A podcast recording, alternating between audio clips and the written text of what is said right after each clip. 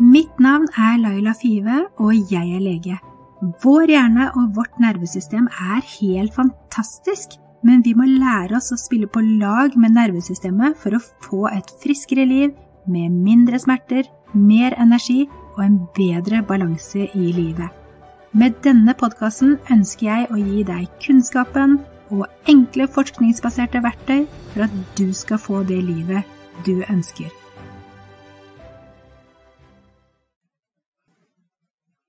Hei, hei, og velkommen til årets siste episode av Dr. Fives podkast. Jeg har egentlig mange episoder spilt inn med spennende, dyktige, flinke fagfolk og andre som jeg kunne redigert og spilt nå i den siste episoden av Dr. Fives podkast. Men jeg tenkte at jeg hadde lyst til at denne episoden skulle handle litt om julen, den tiden som vi går inn i nå, og også litt om julestria og, og alt det stresset som vi pålegger oss opp mot jul. Julen for meg har alltid vært en uh, fin tid med gode minner, og jeg har alltid gledet meg til jul. Men sånn er det jo ikke for alle og det kan være veldig forskjellig hva vi forbinder med julen. Og mange syns det er stress i perioden før jul, allerede fra november og i alle fall i desember, så strekker liksom ikke tiden til. Og så leste jeg en eh, artikkel på forskning.no der det var en professor i sosiologi som fortalte at eh, det var et eh, kulturelt fenomen at vi skulle klage over dårlig tid.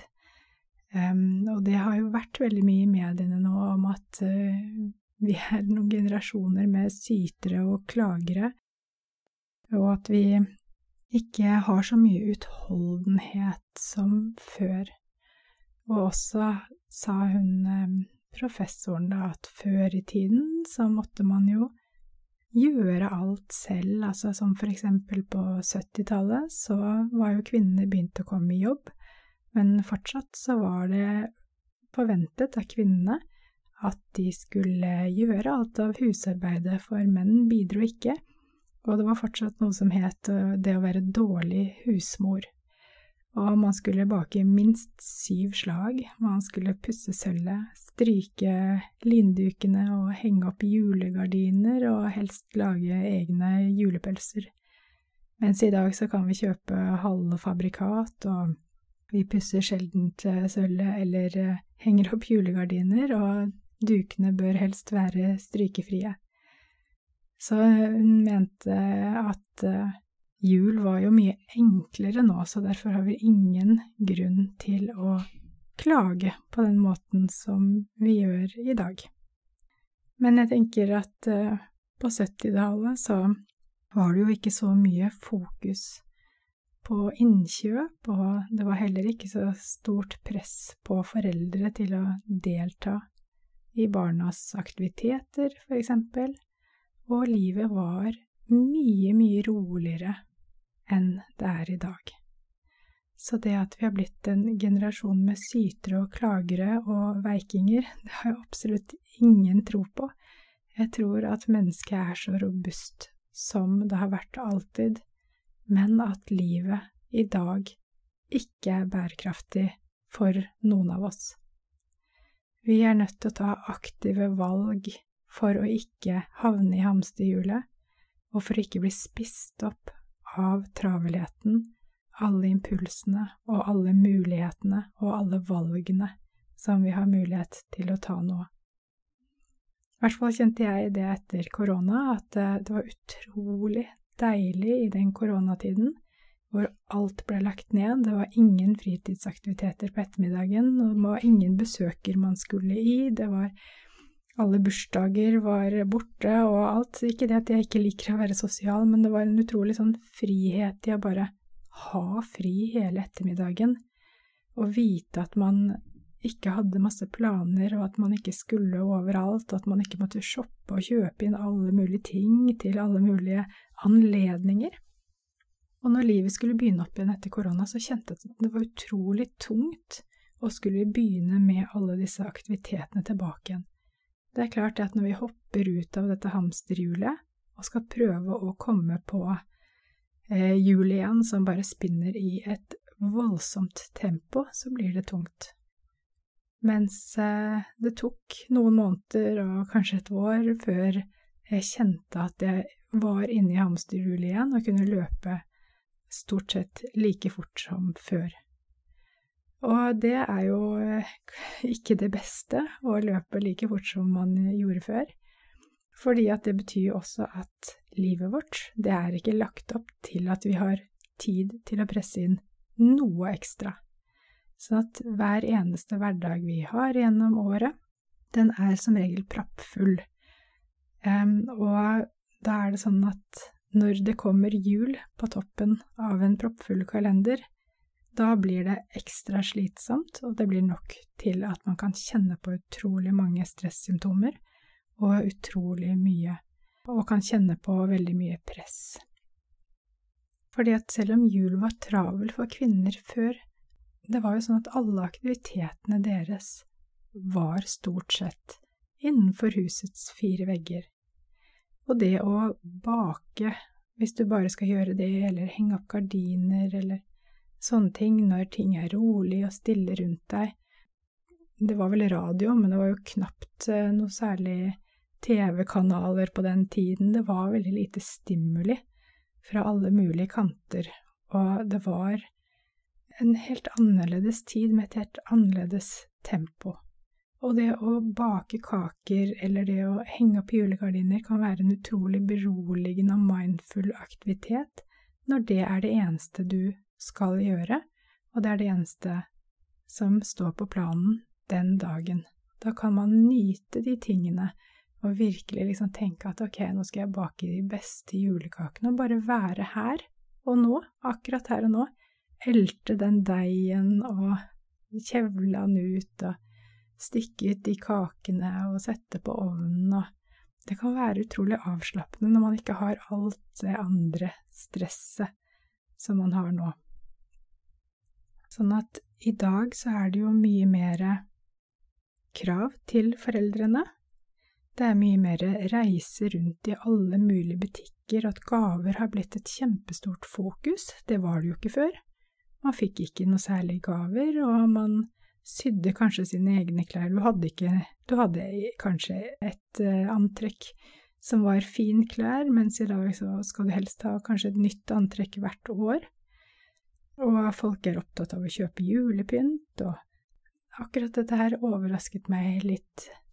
At uh, det var en jeg så på nyhetene, var det i går eller i forgårs, som fortalte at vi har blitt enda mer materialistiske nå og kjøper enda mer gaver og pynt enn vi har gjort noen gang.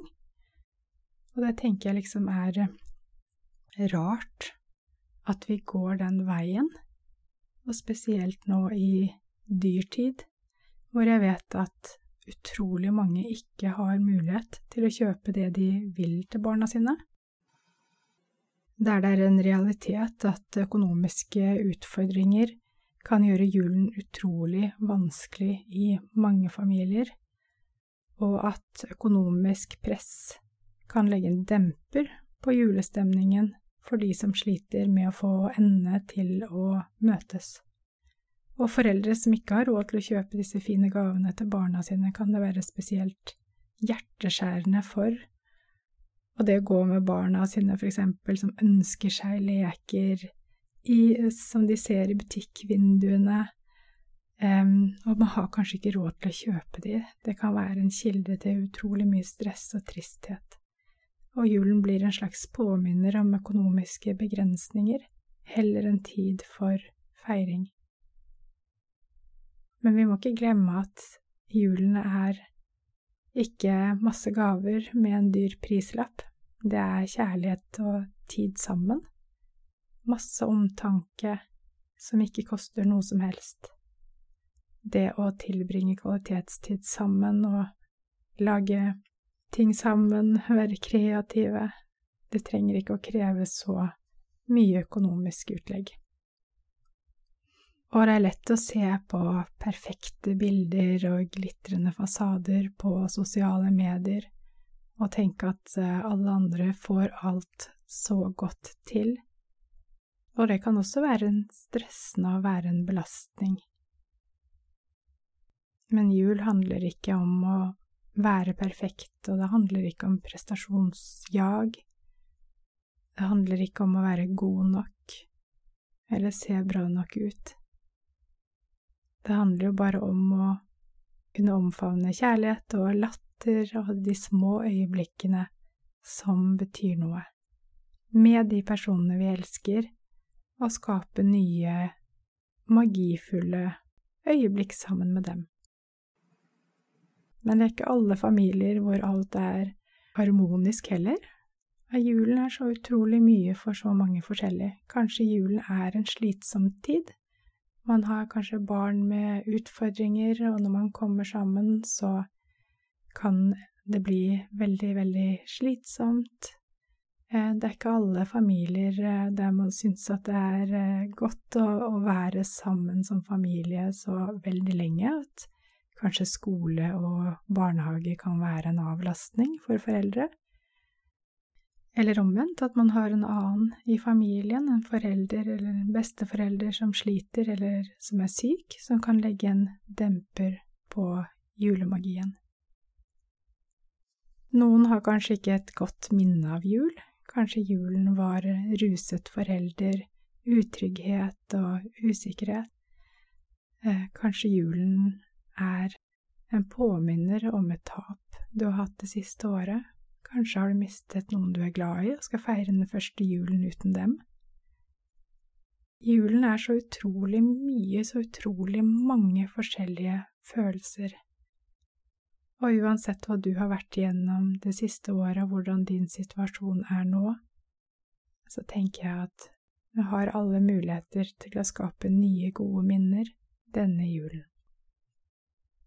For andre er det kanskje vanskelig å nyte julen når man vet at det sitter så utrolig mange mennesker som fryser, og som ikke har mat tilgjengelig, og som ikke har en trygg situasjon og et varmt hjem i Gaza og i Ukraina, og at det kan være vanskelig å nyte når man vet at det er så utrolig mange mennesker rundt om i verden som ikke har det bra, og som ikke har det godt sånn som oss. Og da tenker jeg at det er kjempeviktig at vi bidrar på den måten man kan, eventuelt gjennom organisasjoner og andre ting, og sende masse varme tanker til de, men at vi fortsatt kan ha det godt med våre nærmeste her i Norge, lille, trygge Norge, til tross for at ikke alle i verden er så heldige som oss. Så hvordan har min egen opptrapping til julen vært? Det har vært lite fokus på juleforberedelser. Veldig, veldig lite.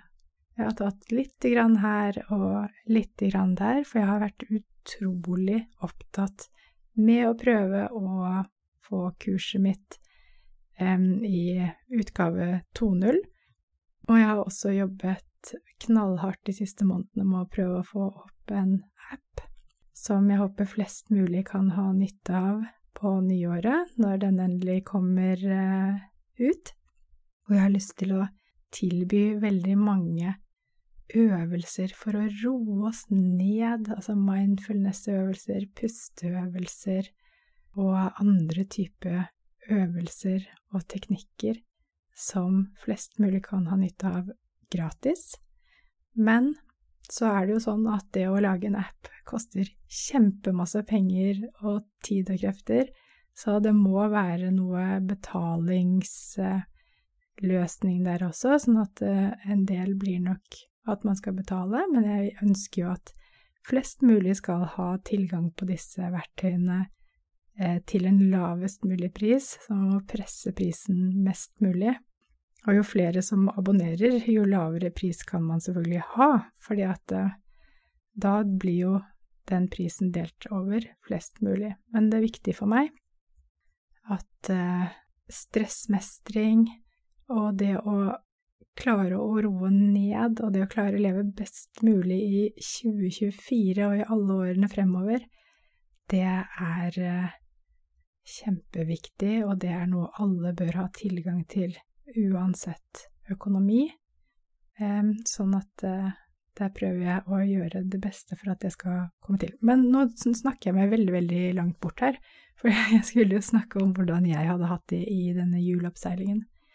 Jeg skal i hvert fall si at det har aldri vært mindre gaver under juletreet enn det er i år, og det er jeg egentlig veldig, veldig fornøyd med, for jeg vil ikke at gavene skal være det som er viktig med julekvelden og, og jula.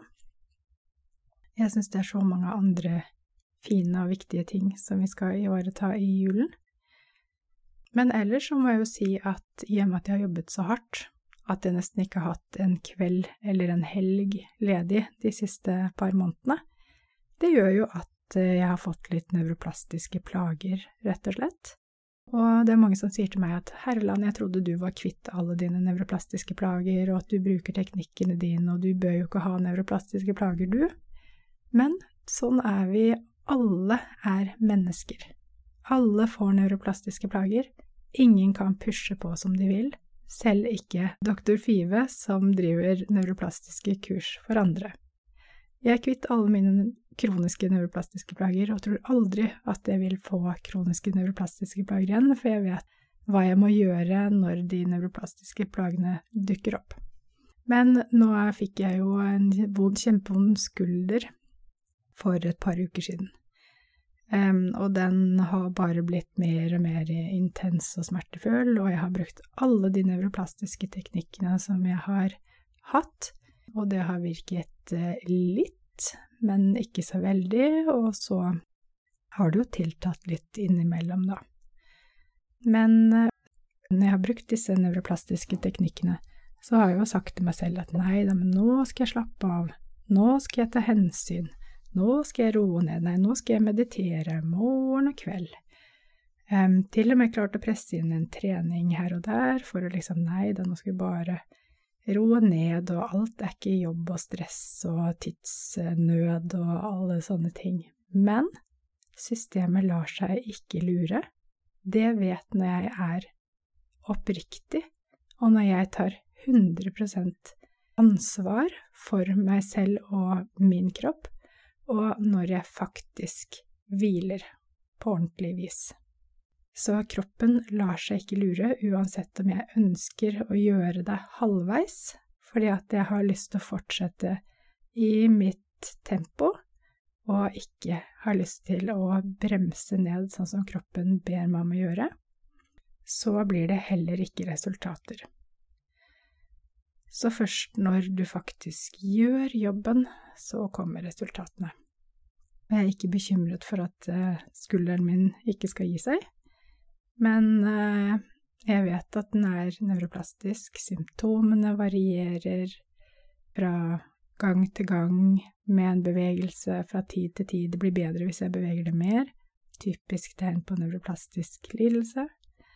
Eh, og tidligere her hadde jeg, før skulderen begynte, så hadde jeg også litt sånn urolig søvn, vanskeligheter med å sovne inn og våknet veldig, veldig tidlig, litt sånn stresset om morgenen for å komme i gang igjen med alle oppgavene mine.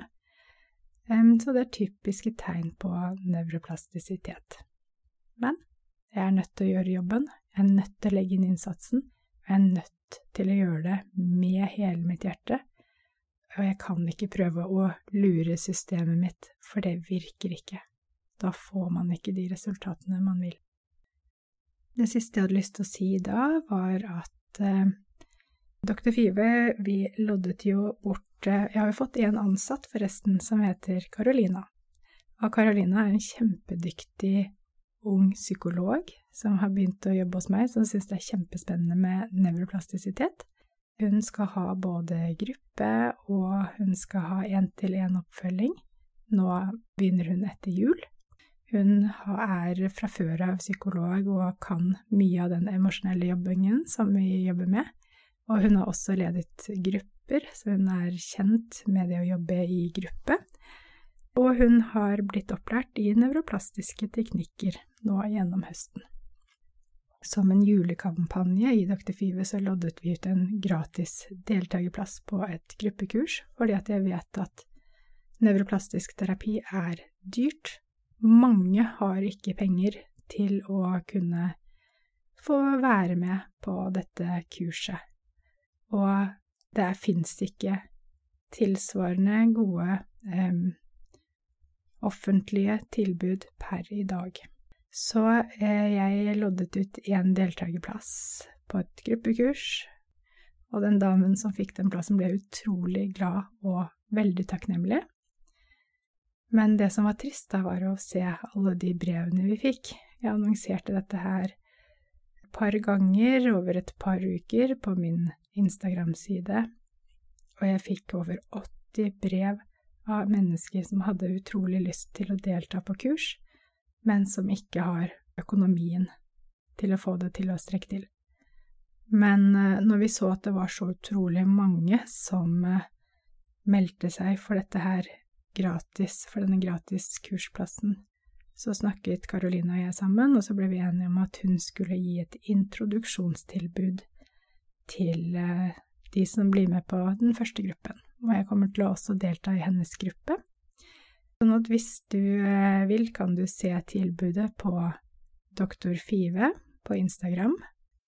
Og av verdi så er dette kurset verdt ja, 20 807 kroner, og Carolina tilbyr det nå for 13 599. Det er eh, nesten 40% rabatt men 20% rabatt på vanlig fullpris. Så har du veldig plager med eh, nevroplastiske lidelser, og du tenker at 2024 kan være starten på noe nytt for deg, starten på den tiden der du begynte å satse på deg selv, satse på din egen helse, det merker jeg også er problematisk, for de som har nevroplastiske plager, de gjør sjelden noe for seg selv, i hvert fall før de begynner å få nevroplastiske plager. De er så opptatt av å ta vare på alle andre rundt seg, og føler så sterkt for andre ofte, at det er vanskelig å både ta seg tid og det å bruke penger på seg selv, og det der skjønner jeg utrolig godt. Men i hvert fall så er jeg veldig glad for å kunne tilby en litt rimeligere pris hos henne, da. 13 599 for tolv ukers gruppeoppfølging, eller én-til-én-oppfølging til 7200 kroner, som også er en veldig, veldig god rabatt. Og jeg har snakket med to stykker i dag som har vurdert å melde seg på. Den ene har meldt seg på, den andre skulle tenke lite grann. For jeg vil snakke med alle som eh, vurderer å melde seg på, fordi jeg vil ikke at noen skal bruke penger på et kurs hvis ikke jeg tenker at de vil ha utbytte av kurset, og at jeg ikke tenker at, at det er riktig for dem akkurat nå. For det er viktig for meg at gruppen skal fungere, og det er viktig for meg at folk faktisk gjør det som de trenger, og ikke går i mer behandlingen enn hva man faktisk har behov for, og at, ja, at man faktisk er klar nå til å igangsette denne prosessen. Og da er det jo mange som har vært syke i mangfoldige år, ikke sant, hatt plager i kanskje 10, 20, 30, 40, 50, 60 år, som eh, har prøvd alt, og som er så redd for å prøve noe nytt uten å få resultater og tenker det er nok ikke håp for meg når jeg har vært syk så lenge. Men jeg ser det hver eneste gang på gruppe. Det er håp uansett. Hvor lenge du har vært syk, så er det håp. Folk blir bedre eller bra. Så jeg er faktisk veldig stolt av å kunne ha en sånn gruppe, og jeg blir så utrolig stolt av alle disse gruppedeltakerne. Og jeg er også stolt av å nå kunne ha en medarbeider at vi har mer kapasitet til å bringe dette ut til flere mennesker. Og mitt mål er jo å gjøre nevroplastisk terapi, nevroplastisk jobbing, kjent i det offentlige helsevesenet, sånn at det etter hvert kan bli et offentlig tilbud. Men det vil ta tid, og frem til da så er jeg nødt til å tilby det på andre måter. Det var ikke meningen at dette skulle handle så mye om den gruppa, men nå tenkte jeg i hvert fall å benytte anledningen til å ønske alle lyttere der ute en riktig, riktig god jul og et riktig, riktig godt nytt år. Hvis du kjenner deg ensom, så ikke vær redd for å strekke ut en hånd til noen du er glad i. Hvis du kjenner på at julen er en tung tid hvor du er nødt til å være sammen med mennesker som stadig trigger deg, så ikke vær redd for å verne om deg selv og sette grenser. Og hvis julen er savn, så tenk på det som et godt savn, og skap nye tradisjoner ut fra den livsomstendighetene som du har i dag.